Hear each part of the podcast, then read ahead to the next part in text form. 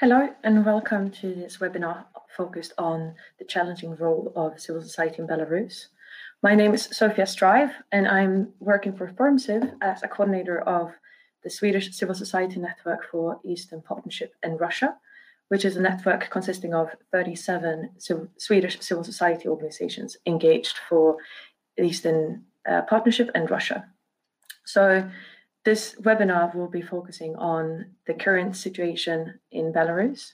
And as most of you know, at the presidential election in Belarus on the 9th of August this year, Alexander Lukashenko declared himself as a winner. And this resulted in that civil society gathered in peaceful protest all over the country. And the people of Belarus clearly expressed their demand for free and fair elections, end of police brutality and violence against peaceful protesters, as well as the release of political prisoners.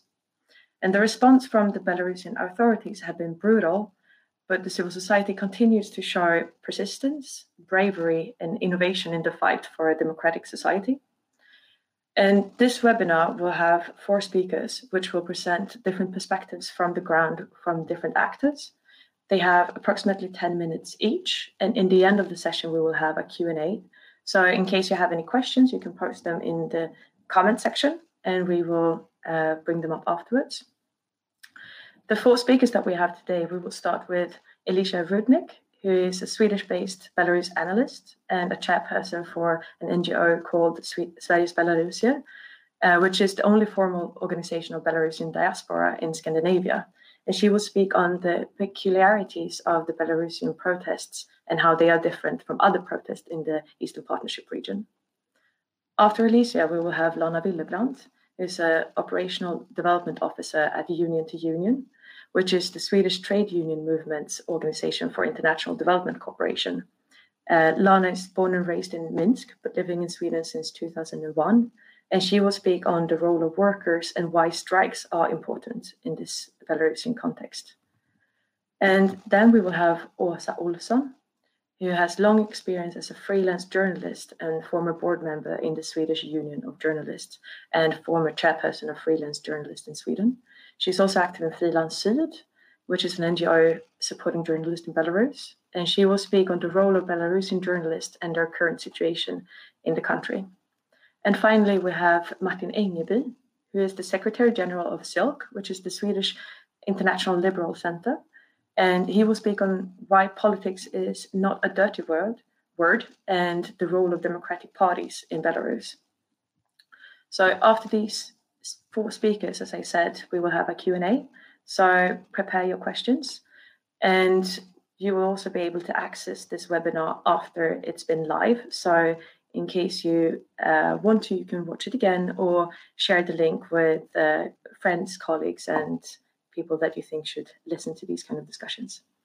So without further ado, I will leave the floor to Alesia.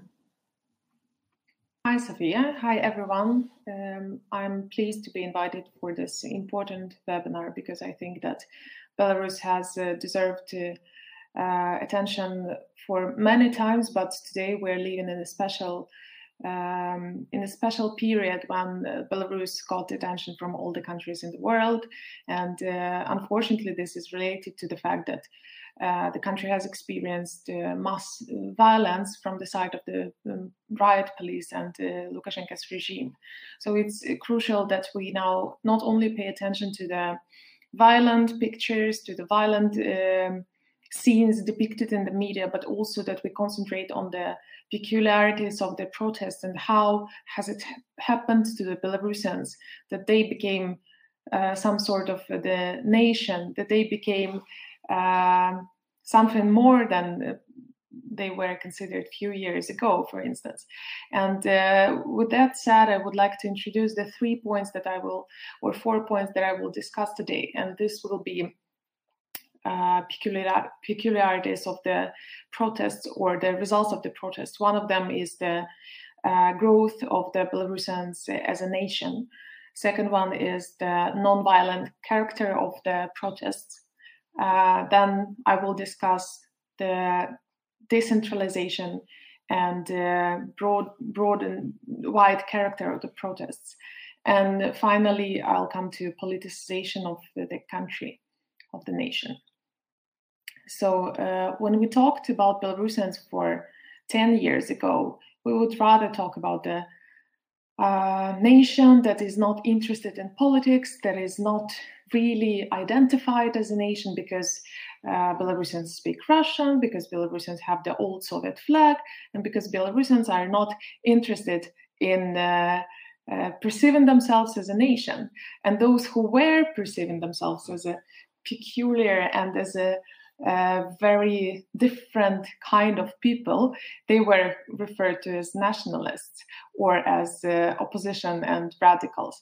So, what we see today, due to the protests, is that Belarusians have finally defined themselves as a nation. They know their peculiar uh, features. They know that Belarusians are different from Russians and Ukrainians, and that and that matters. They finally established their uh, symbol that the governmental uh, flag and governmental coat of arms is no longer topical for them. They prefer the old one, the one that was used for them during the nation formation period in the beginning of the 20th century. So uh, Belarusians have uh, uh, applied several features uh, that help us to understand that they see themselves different from other neighbors, see themselves different from um, as as a nation, as a people who are united under the similar values, under similar uh, similar symbols as well. Because we know that the nation formation period that started in Europe and finalized in Europe in the 20th century has not been finalized in Belarus and because it was abrupted by the Soviet Union occupation. And it's uh, now finally the country is back to this process almost one century behind uh, many other states. And uh, finally, we see that this process is being finalized due to the unfortunately very violent and um, uh, and repressive reaction of the regime. When we talk about Belarusian protest in comparison to other countries, of course, everyone thinks about Maidan. But uh, it's important to understand that there are several um, differences, significant differences with Maidan. First of all, it is that uh, Maidan was at some point considered as quite uh, peaceful protest, but uh, what we see in Belarus today that this is a really peaceful protest. I mean, as peaceful as you can imagine. It involves zero violence at all. Uh, at the first day, there were around like five Molotov cocktails thrown to the riot police, but it's um, almost nothing considering the scale of the protest when it comes to the number of people who participated in this protest. And uh, protesters, even when they constructed barricades, they were deconstructing them in the end of the day and uh, putting everything on, on its place because it was no was considered as uh, violating the order on the street. So uh, Belarusians are not employing any violence, and um, they are just peacefully uh, waiting and peacefully standing when they're getting beaten by the riot police and by the uh, police representatives of other kind. And it's um, it's totally important because there there's been numerous studies that shown that totally uh, peaceful protests they have much more chances for um, not being discredited by the current regime in the eyes of international community that they have more effect when it comes to persuading the justice system and uh, persuading those judges or uh, those judges and courts who are currently working for the regime to switch the side. There's also been some research that uh, identifies the success of peaceful protest that's almost 12 times um, bigger than the violent protest success in reaching its goal. And um, when we think about Belarusian protest, the important thing is also to mention that it's decentralized. It means that different groups are involved in the protest, that it has been completely decentralized in the geographical terms, and uh, not only in different towns and countries people have been gathering, but also in the different areas of the same town, in like uh, in the regions of the city, in the different smaller parts of the town.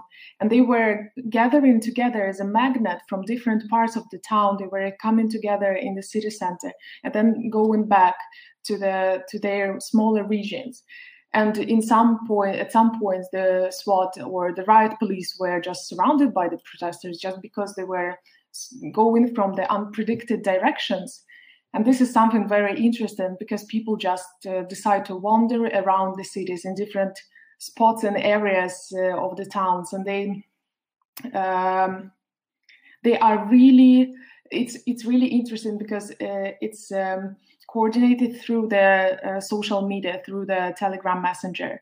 That's um, actually quite independent as a source as a mean of mobilization of people because in some way it is te- telegram was considered as a um, mobilization factor because it was one channel that was distributing different messages. But currently there are number and hundreds and thousands of uh, channels created by the people by the neighborhoods by the cities by towns where they distribute the messages and they decide where they will protest what form the protest will take.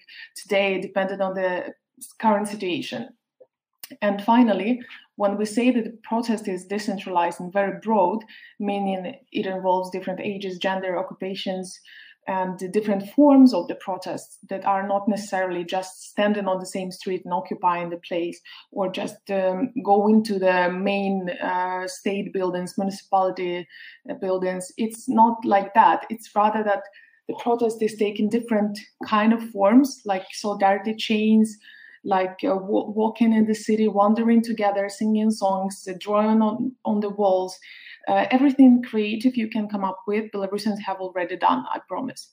And then the last point, of course, is the politicization of the uh, country. If before a few years ago we could say that Belarusians were not interested in politics, then today we see that the truth is that Belarusians were deprived of the right to participate in politics because as soon as they received some kind of hope, some kind of understanding that it's possible to participate in politics, they started to really actively participate and probably even more active than some people in the european countries could can participate normally because they have this right and they take it for granted. But the belarusians saw it as a, some tasty piece and they really wanted to have it. And now we see that so many belarusians are involved in political actions even on the local level. And this is something fascinating that's happening in the country.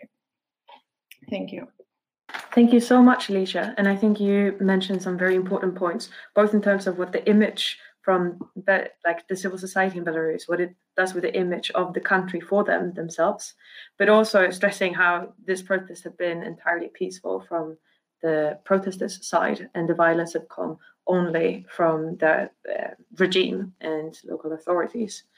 And in terms of uh, the strength and scope of this uh, these protests, it's impressive to see that it really covers, as you said, like all regions, rural and urban, and all people from all levels of society, young as well as old people, and from all parts of, um, from all stages in life.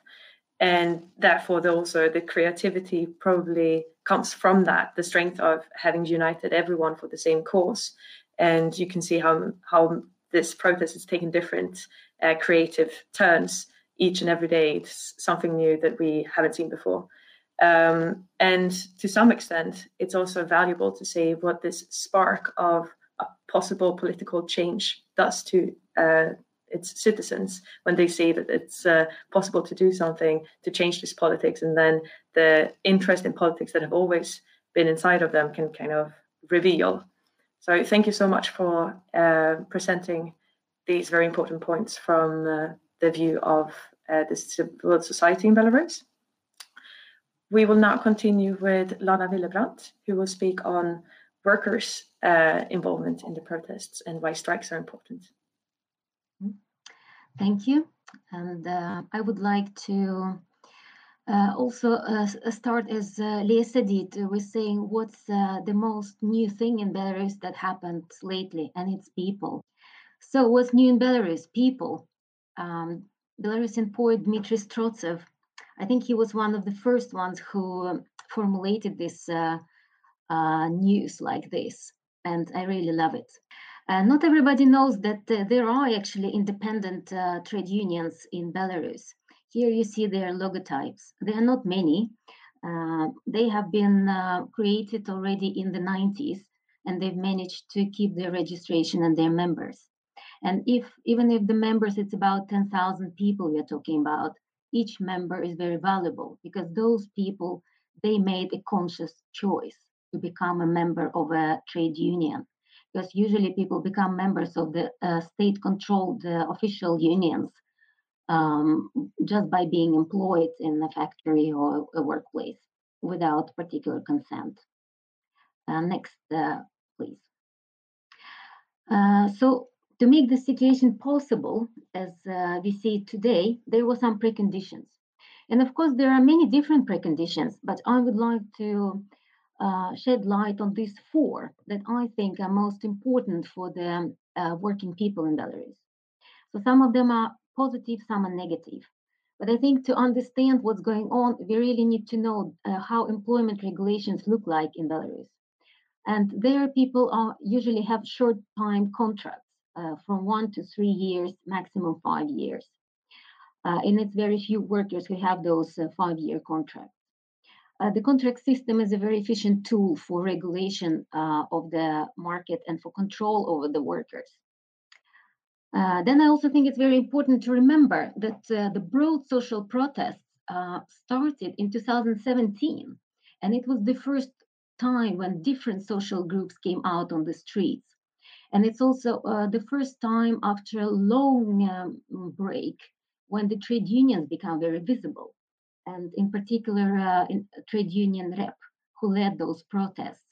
And those protests were in connection to so-called parasite tax when the unemployed people were supposed to pay a fine to the state for being unemployed. Uh, another uh, precondition that I think also is important is this booming IT sector. And IT sector, uh, it's also not so big, several thousand people working there, but they work in a totally different working culture that we also see how it affected their um, activities in the protests today. Uh, and the last precondition, which also important to think about, um, the relations with the European Union and Sweden. They have actually improved in the last five years. Political prisoners were released and the sanctions were lifted, but the political arrest continued. The system has not changed. And I think uh, uh this um, kind of um, a better relationship uh, uh with uh, the European Union and Sweden um, kind of slowed down the European reaction in August. But we also, it's very important for uh, uh, independent unions that they were persecuted in those late years. And uh, two leaders of uh, this union that's been leading the protests in 2017, they have been arrested and they are deprived of the right to be leaders. Next, please. Uh, here I would like you to show just uh, a timeline uh, from the start um, of the violence to the major strikes on the 17th of August in just a week. Uh, at the most, there were about 50, 60 uh, Belarusian companies and factories that went on strike. But it's very important also to know that already uh, on the 10th of August, the independent trade unions went out with official letters and petitions uh, where they said that they're against the violence and they demanded new elections. So when we talk about importance of the workplace, what uh, do I actually mean? Uh, why it is uh, so sensitive uh, for the power? And it's because those few strategic factories that went out on a strike, like tractor factory and so on, uh, they bring in currency to the state budget. And even though some of those companies are not so profitable uh, as the majority of the state enterprises in Belarus, they still bring the um, currency which uh, Lukashenko depends on pretty much.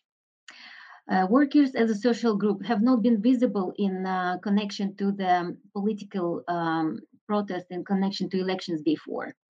But uh, as uh, we remember, they were visible uh, in connection with the social issues. That's quite important. Then we also have seen that these short-term contracts, they have shown that employees of the state administration, state enterprises, they are a very important resource for Lukashenko to exercise control and to reach with the pressure basically everywhere, in each and every school, each and every factory. Then another peculiar feature is that the Sunday marches and the solidarity actions have a very specific guild character You know, people go out in groups according to their workplaces. Universities go all like teachers and technical personnel and cleaners, they go out together. Athletes, uh, science academy, journalists, um, doctors, they go in their uh, workplace related groups or in their guild groups. It's very interesting. But what significance those strikes had so far? I would argue that the only significance we can see at the moment is that they created this feeling of the majority. Because I'd say that even if the marches were really huge, if not the workers have started the strike, this feeling that the majority of society is against violence, against falsified elections, and for a change would not be as uh, overwhelming. And in the new Belarus, the independent trade unions will have a major role to make sure that the reforms will not leave people behind. I think it's very important for future. Next, please. Here I'd like to show you that uh, on this uh, picture, those who can read in Russian, uh, to make a strike is actually uh, legally impossible in Belarus. So it's not a wonder that they kind of died out. But what is continued still, it's so-called Italian strike. And it's very uh, fun that uh, this uh, special way of uh, in industrial um, action becomes so popular in Belarus. Italian strike means that people go to work, but they work according to the instruction. And you know, to work efficient according to an instruction is basically impossible. So the strikes are going on in different forms, and it's very important. Next, please. Another major moment that I think we need to think about is that everybody appeals to law. And at the same time, law ceased to exist. Law is used only to persecute and to stop the protests. The constitution is the only legal mechanism that gives people the right to strike. So workers appeal to constitution. Opposition refers to constitution, and Lukashenko refers to constitution. And we know that this constitution has been changed so many times to match the Lukashenko's needs. So it actually does not mean anything what it says in that constitution. It doesn't have a practical meaning. Next, please. But what has a practical meaning? It's uh, what Zinaida, one of the members of this independent trade union rep, has said. She said, People organize themselves. We are needed now more than ever to train them and it is what I think is a really important uh, kind of message uh, that uh, both Lesia uh, said, and I also would like to emphasize this self organizing power of the Belarusian people in many places, and not least at work. Because you know that at work, many different people gather from different social circles. They interact in a different way than when they interact in uh, their Facebook groups or in their friendship uh, uh, circles. Workplace is a natural organized place. And here we have a, still a great potential that is now growing a little bit more under the surface. But uh, I believe we will see more of it. Thank you very much. Thank you, Lana, so much for highlighting this. I think it's really essential that we understand how the trade unions' role in this protest and what role they have played, and also the preconditions to having this kind of protest in Belarus in the first place. And I'm happy that you also brought up the relationship uh, with the Belarus have developed with the EU and Sweden and how that influenced the international response to the current development. And as you said, hopefully the new Belarus, uh, however it will turn out, will uh, not leave workers behind, since this protest have, as you as well as Alesia highlighted, been including the whole society in all different spheres, workers as well as um, all other people in society. So, as a social group, workers have played a very big role in this and will probably continue to do so. Um, I know that you unfortunately had to leave for another webinar. So thank you so much for your contribution to this one. I think it's very important to have these perspectives from union to union and your work in Belarus uh, in these kind of sessions. Mm-hmm. And I would also like to encourage people in the audience to post questions in the comment section if there's anything uh, you would like to know more about or uh, like to have clarified or is interested in. So thank you, Lana, for joining. And next speaker up is Åsa Olsson, who will speak on the role of uh, journalists and their current situation in the country. Hi. Um, the situation for Belarusian journalists is something that I'm very committed to, so I'm very happy to be part of this webinar. The first time I came to Belarus was through an, an assignment uh, with Swedish Union of Journalists. This was in 2014, and I was attending a meeting organized by Belarusian Association of Journalists that organize independent journalists. And I named this the role of independent Belarusian journalists and their current situation because I do not have a lot of contact with state journalists. I have been working and had exchange with independent journalists. State journalists in general are organized in Belarusian Union of Journalists that I don't have any contact with. Um, I have been to Belarus several times, and the last time was, or latest time was in March this year, through an exchange with regional Belarusian journalists and Freelance that organize freelancers in southern Sweden. Next slide, please. Yes, here we have uh, the press index from Reporter Without Borders. Many of you maybe know it, but I think it's good to have a look at it again. We find Belarus on place 153, and note that was before the protest started place 153 in a list of 180 countries. That is, in the bottom, you will find Eritrea, Turkmenistan, North Korea, but you will find Russia at place 149. So Belarus is the country in Europe with the least freedom of press. And that is a European country to the border of the European Union. And this has been the fact for many years. And for many years, this fact has not been something that many politicians have cared for. We have been a group that been working with this, but as many of us know, it has been very difficult to get any general attention to this very frightening fact, very difficult situation for, for journalists in Belarus. Uh, next slide, please we will uh, try i will try to explain once why the situation of the, the, lack of freedom of press is so big in belarus and i have some quotes here from from the press freedom index. One of the burning issues today is prosecution of freelance journalists that contribute their materials to foreign mass media. And from this year in belarus journalists working for independent media organizations as well as bloggers, have been long, been long been favorite targets of the regime. Yes, Lana said that the constitution they changed it so many times, so it doesn't really have any major role. And that is true because in the constitution of Belarus, it states that there is freedom of speech. But then there is a, an amendment to that, it, the, the Belarusian law, law on mass media. And there the, the authorities has defined who is a journalist. And they have two restrictive terms. Uh, they say a journalist of a mass media or a journalist of a foreign mass media.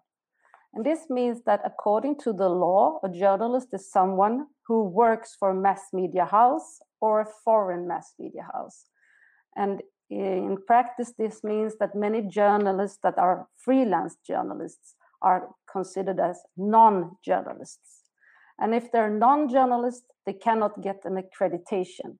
And it's illegal to this, according to this law, to work as a journalist without an accreditation, an accreditation that they cannot get. So it's like this catch 22. Um, and it's not only writing about sensitive topics that could be a problem then for a freelance journalist. It could be the fact that they're writing because then they are uh, are working illegally as journalists. So what could it mean then in reality to be a freelance journalist? Here we have an article from the Swedish Union paper Journalisten, and the woman on the picture is Larissa Shchyrakova, and she has a record that she happily would be without. She is one of the journalists in Belarus that has been fined most times for doing her job. This photo was taken when she was fined for working as a journalist. She was covering a rally in Homel in this spring in this year. And she was sent to court on her birthday. And that was not a coincidence. Uh, this is a way of harassing journalists to have courts trials on specific personal days.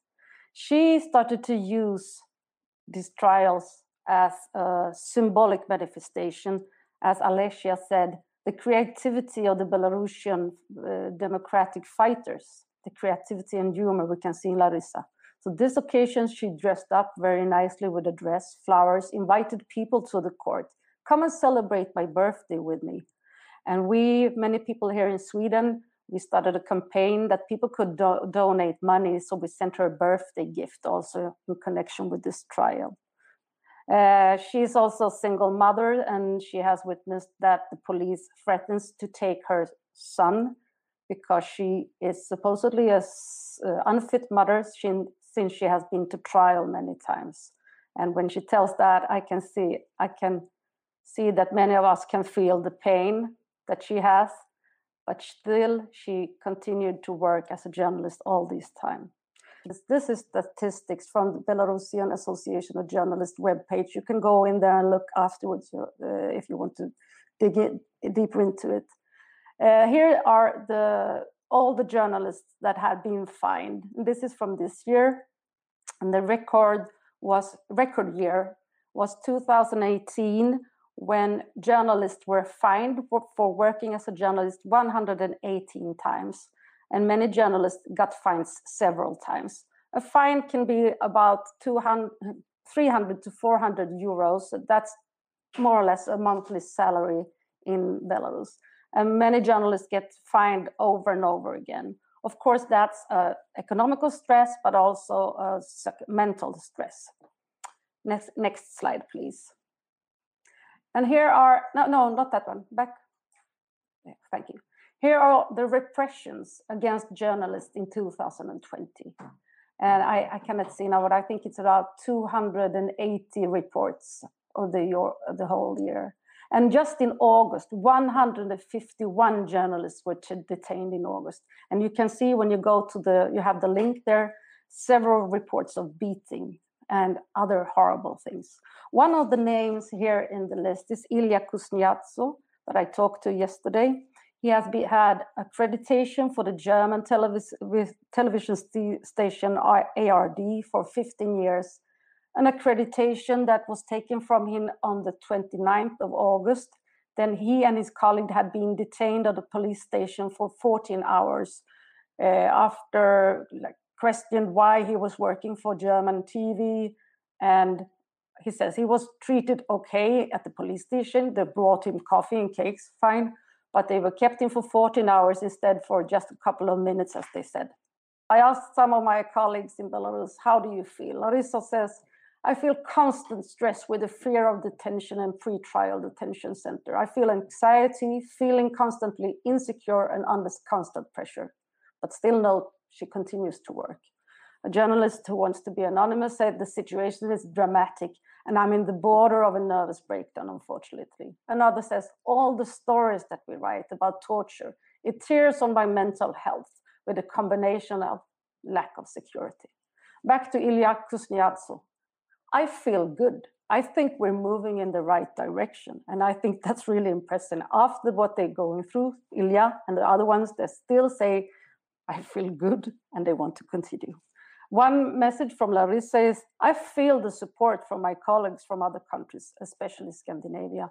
And my anonymous friend here says that please be kind as angels to us journalists. Write support, write message of support to us because we need it. And and talk to the Swedish politicians. Uh, finally, there is no democracy without freedom of press. And I ask myself, and maybe we could ask ourselves that too how would the situation be in Belarus if there had been more supportive actions from other countries for Belarusian freedom of press earlier? That is something that I would like to know. Thank you. Thanks a lot, Åsa. I think thanks so much for your contribution. I think it's great that you share light on the threats and risks that current journalists in Belarus are facing today and give us their voice on the reality that they face on a daily basis in terms of uh, how they are being harassed, silenced, and hindered to do technically do their job. Uh, and as you said, like there is no democracy or democratic society without freedom of press, and therefore this is something that we really, really need to put our eyes on. And with 151 journalists detained only in August in Belarus, uh, this is one of the most pressing needs probably to look at in order to have um, a free information flows and to combat disinformation and propaganda from uh, the regime. So thank you for giving us insight in the daily lives and realities of Belarusian journalists. I think it's very important to have their perspectives included in these kind of discussions as well. Um, and thank you for participating and doing your important work. Thank you. Um, thanks. So we will now continue with Martin Engeby, who will speak on politics is not a dirty world word, the rule of democratic parties in Belarus. Thank you uh, very much. Um, yeah, I'm. Uh, yeah, a lot of very good things have been said, so I hope I, I don't repeat ourselves uh, too much. Uh, just something about what I do. Uh, SILC is a foundation of the Liberal Party in Sweden, and together with the other party foundation, each party, uh, each serious party has a political party foundation that works with parties in other countries. We have been engaged with Belarusian politicians for uh, many, many years, uh, in SILC's case for 20 years, uh, we discuss a lot of policy that parties have. I mean, parties do need to respond to all issues that occur in society, from pensions to taxes to domestic violence to all sorts of other issues. Uh, so we have a lot of dialogue on, on topical issues, uh, and we have also been working a lot on, on elections because this is the main problem in, in, in Belarus. We have had Belarusian observers observing the Swedish elections, and these reports have uh, actually led to uh, the Swedish election system now being reformed to strengthen the secrecy of the ballots, which isn't optimal in Sweden with so many little papers. Um, just, uh, I mean, everybody kind of uh, works with a uh, like what what happened. I mean, how how did we get what we are uh, where we are now? I would like to add some some some things to what has been already said. Uh, one thing is is that we cannot underestimate the effects of the corona pandemic. Um, the president responded extremely arrogantly uh, to to the pandemic um, people could, by, with their own eyes, see that there was a pandemic going on. They saw full hospitals, but and and then government wasn't doing anything. Civil society uh, actually started because the government wasn't doing anything. So the civil society started uh, managing managing state functions, organizing their their own, I mean, help uh, programs or making masks or whatever. So they felt, well, if the government is not here and we are running the government, well, we may as well move into office. Uh, I would say that there has been an increasing awareness of uh, electoral fraud in Belarusian elections. last election, I think it was a, a, year ago, was like the grand rehearsal for this one.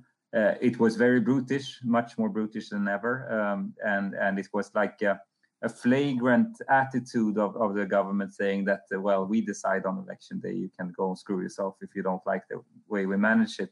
And people kind of knew that, uh, yeah, that wasn't the right thing to to do. Uh, we should not forget that I think in, in unofficial figures, uh, more than 30, 30% of the voters voted for the opposition presidential candidate already in 2015, and much less was reported. So there's an increasing awareness and election observation has kind of proven to more and more people um, that that the elections are not right.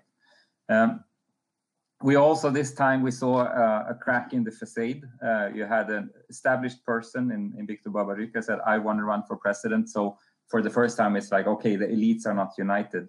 Uh, so so we can we can actually this is more of an open race uh, than than usually. Um, and uh, and third, it was a very uh, the the presidential candidate who got now we think around 80% of the vote uh, ran a very good campaign because everybody could get behind the message of hers, which was that we have to to organize real elections. I'm not a politician. I'm I'm in this position because I want real elections. We cannot have our presidential candidates in, in prison. So so these are contributing factors to actually tilting tilting the the, the, the relationship this time. Um, I speak. I mean, my title is politics is is not a dirty word, and uh, Forum Syd supports uh, civil society. But there are a few things that we have to remember. Uh, one is that all all most serious parties grow out of civil society organization. You have a workers' organization turned into a workers' party or a social democratic party. Uh, you have farmers running for for office, and today they're called uh, Centerpartiet. Um, you have religious groups uh, that want, for instance, more prayer in school and and they and more Christian values, and they organize in a party like the Swedish Christian uh, Democrats. Uh, new issues come up like uh, like uh, protection of the environment. You have a green movement. Some of them feel that okay, actually, to produce change, we have to move into where the decisions are made, and so we form a party. Then we've seen feminists and and also unfortunately racist uh, with a racist agenda. Also, you try to to move it into the political arena. But basically, parties are self-organizing citizens, and and and they are uh, no different from a civil society organization on the local level. There's no big money in being a member of the party. Um, and when a, a, CSO then runs for office, it metamorphizes in, into a party because it has to respond, respond to all uh, policy issues. You cannot only care about your own thing, you have to get into uh, what you call pork and barrel um, politics, where you exchange favors, etc. So, and that's why people feel that politics is dirty, but uh, it's the only way that decisions are made uh, through through compromises. Uh, but in any case, as much as we love civil society organizations on election day, you cannot uh, vote for them. Uh, I think that we see very clearly when we talk about wanting to promote democracy in other countries. I think we see very clearly again uh, that dem democracy is about uh, elections. Um, we've seen, and when elections are fraud, people get really angry. When my vote is stolen, I get very angry. We saw it in, in Serbia. That's how Milosevic had to go. We've seen it in Moldova. We've seen it in Georgia. We saw it in, in the Ukraine with the Orange Revolution, and we see it now. Uh, so, so we have to be aware of this. We talk about promoting democracy, promoting democracy, but there is a very critical point where even a, an autocrat does not sleep well, and that's on election night. So the, I think this is a very important lesson lesson learned um, for all of us. Um, so then for for the for the yeah in, related to that is then the question of should elections be boycotted and i think again it's clearly shown uh, that they should not because it is one of the few uh, opportunities that the citizen have to actually express themselves. And they are, after all, behind the, behind the screen when they cast a vote, even if it's not counted. And and it's by a lot of citizens realize that they vote differently, that that they will be able to then try to push for change when they see it's uh, it hasn't been uh, fairly handled. Uh, I think some some lessons learned, and I think are very important for civil society organizations to to consider it's very important to lower the threshold between political activism and civil society uh, activism. That's why I said, I mean, the title for this talk is uh, Politics is Not a Dirty Word. Uh, the decisions are made in a democracy, uh, they are made in, in the parliament or in the local council.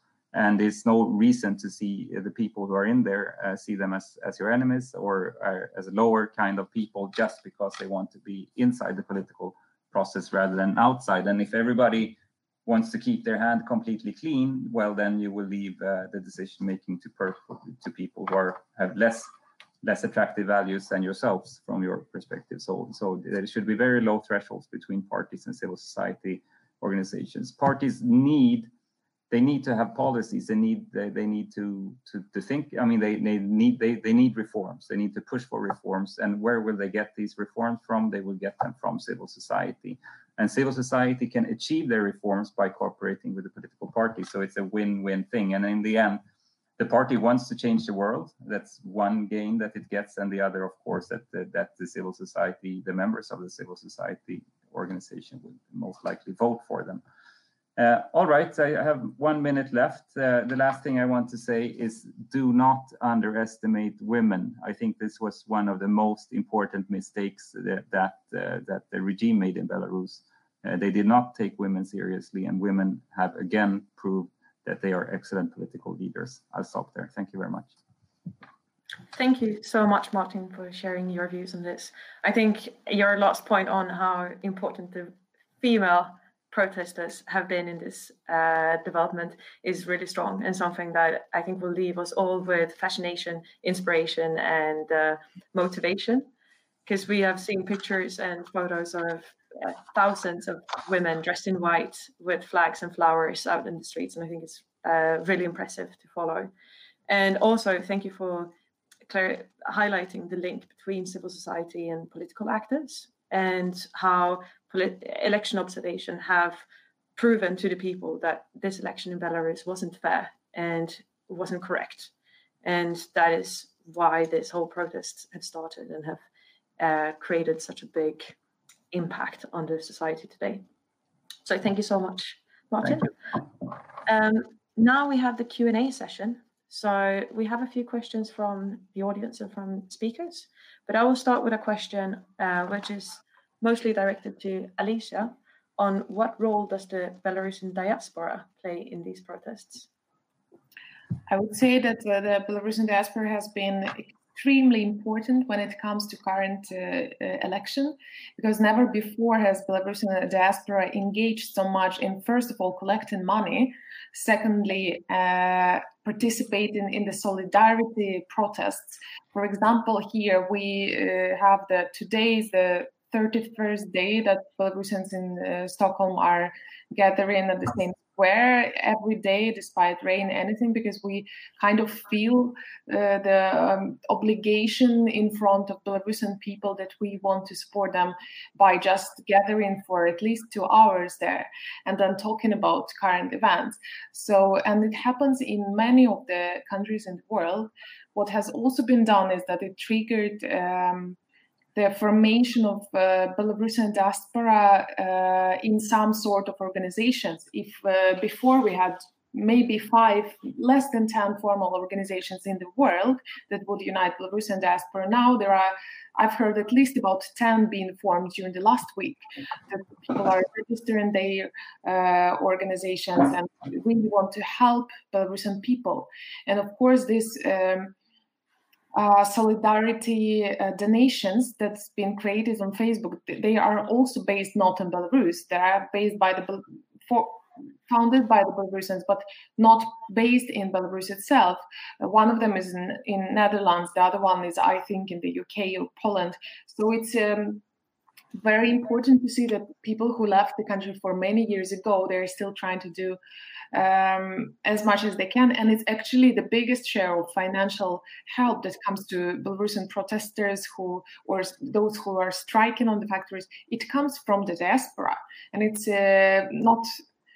It's not surprising, I would say, considering the circumstances, because the diaspora representatives are usually those who are having more liberal, more democratic views on the world, and they would support democratic changes in the country. So honestly, it's just amazing to see how Belarusians are gathering around a single idea to remove Lukashenko from power. They are really willing to pay for former policemen if they quit their jobs. They're able to pay for um, some people who are fired from from their jobs because of political views. So it is happening, and the diaspora is having a very great and considerable role. Thank you so much. I've been really impressed when following these different demonstrations outside of embassies or MFA buildings all over the world. And I think it's uh, such a huge strength that people come together for a joint message from no matter where you live, you can still support the protest in Belarus. Thank you for that. Um, so I will continue with a question that I think is more directed to Åsa on how does the Belarusian journalist abroad continue, contribute to the current changes in the country?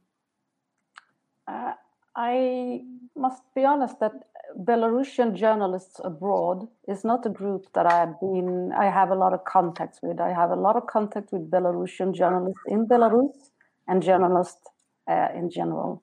So I cannot answer that.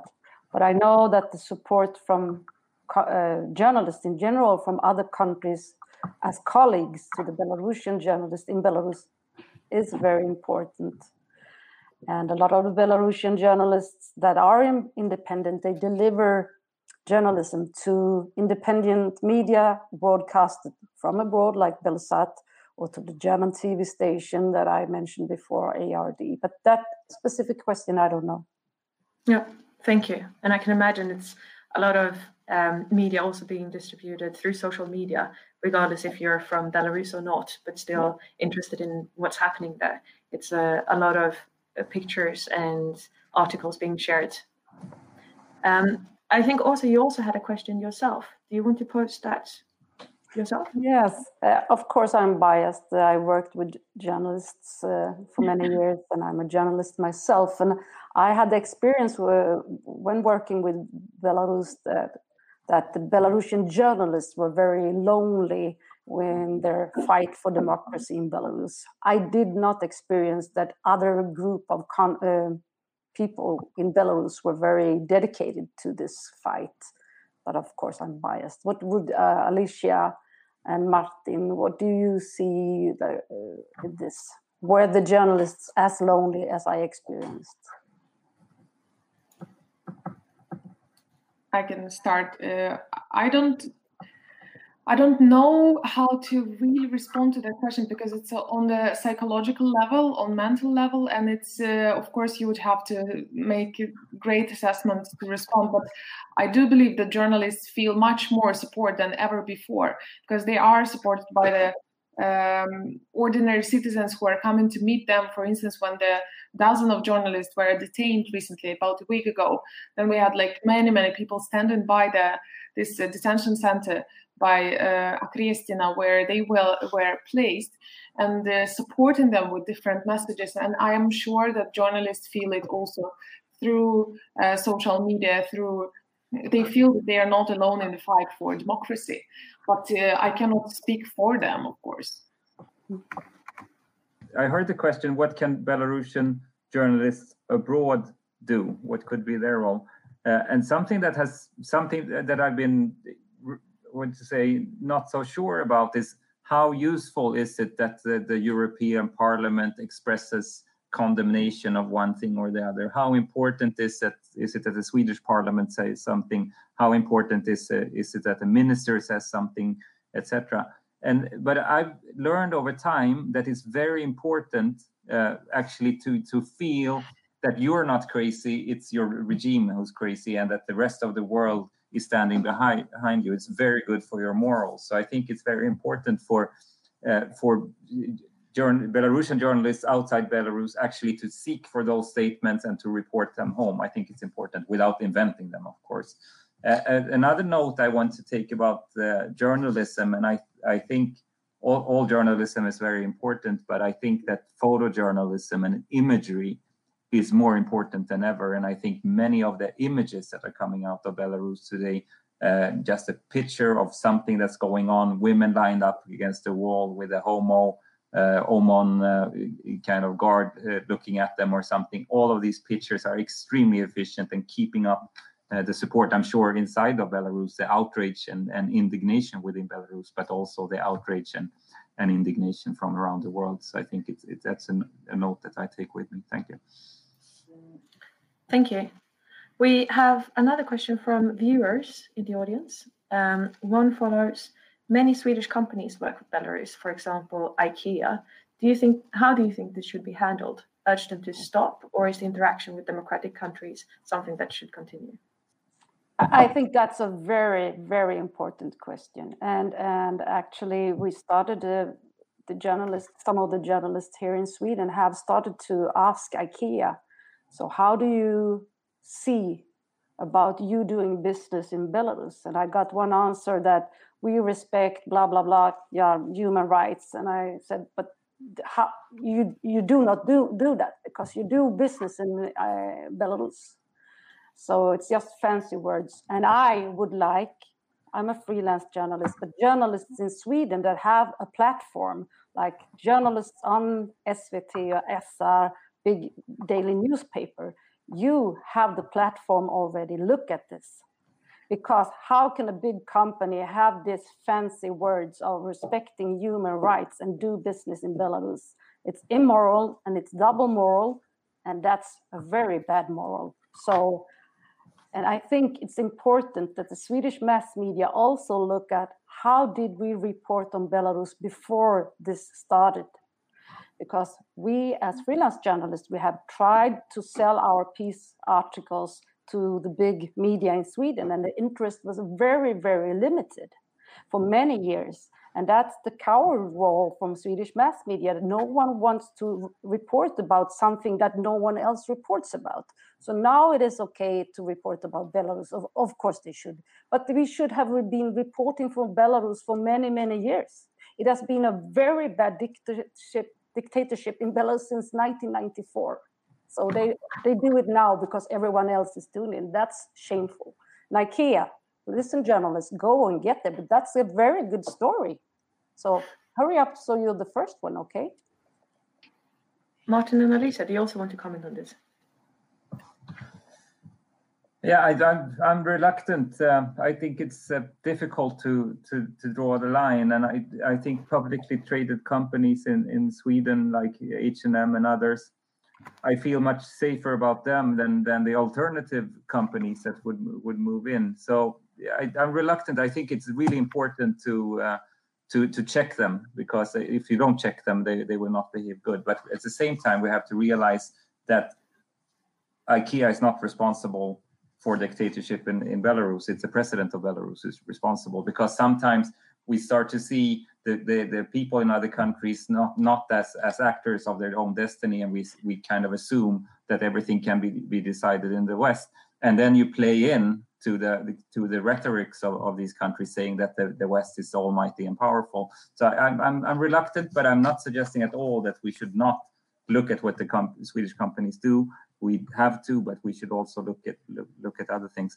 I would like to highlight uh, the, the fact that sports is big business and that that Belarus again will be part of organizing the international hockey championship. And I think that this is an area, uh, a business area that we have to look much closer at. Thank you. Thank you so much. Um, I can see that we have a lot of more questions from viewers, and thank you for being so active in posting them but we only have a few minutes left, unfortunately. So we will have to wrap up. Uh, but it's nice to know that it's so high interest in this topic. And I think this protest has really shown to be a unique and very successful and strong one. So this kind of discussion will continue uh, for sure. But to wrap up, um, I will pose a question which is uh, fairly broad and uh, could be interpreted in different ways.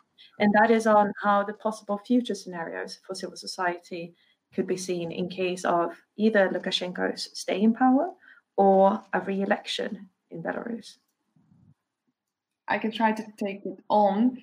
And I think that uh, obviously, even for the experienced political analysts and you know experts, it's very challenging now to try to predict anything because we don't know what are the uh, dialogue. Uh, what is the dialogue between Putin and Lukashenko? What is their meeting about uh, the next week, and how the protests will turn the way around? Will there we, will there be some shift?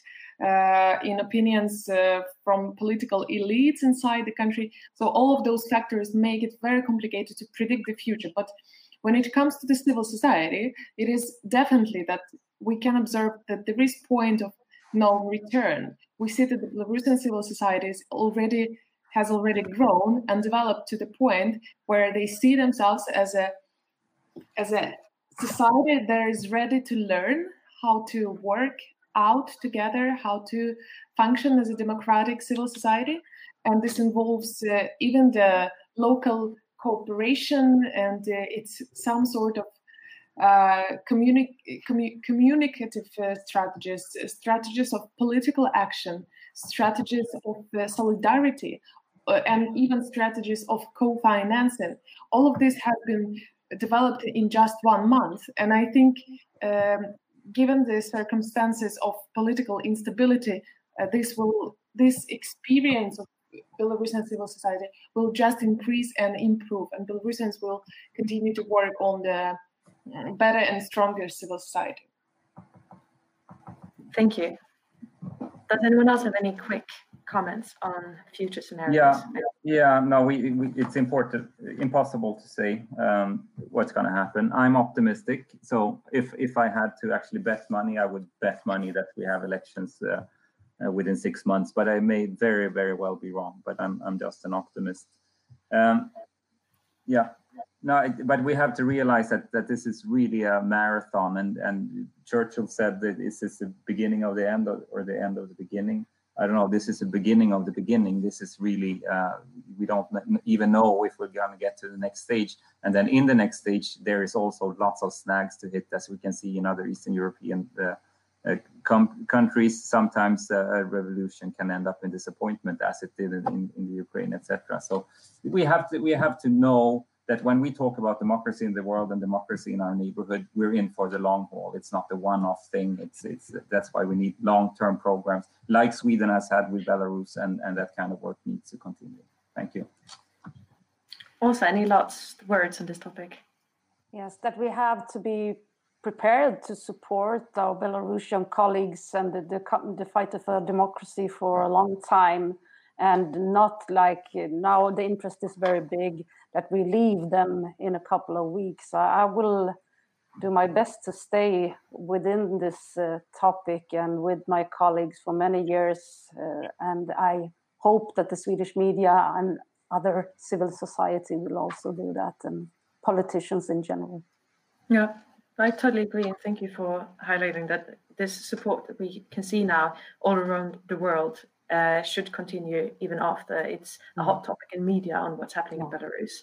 And I think your quote, Martin, on that this is the beginning of the beginning kind of sums up this discussion quite well on uh, that it's very difficult to foresee what we will be able to face in Belarus after this protest is over, but hopefully it's something to the positive.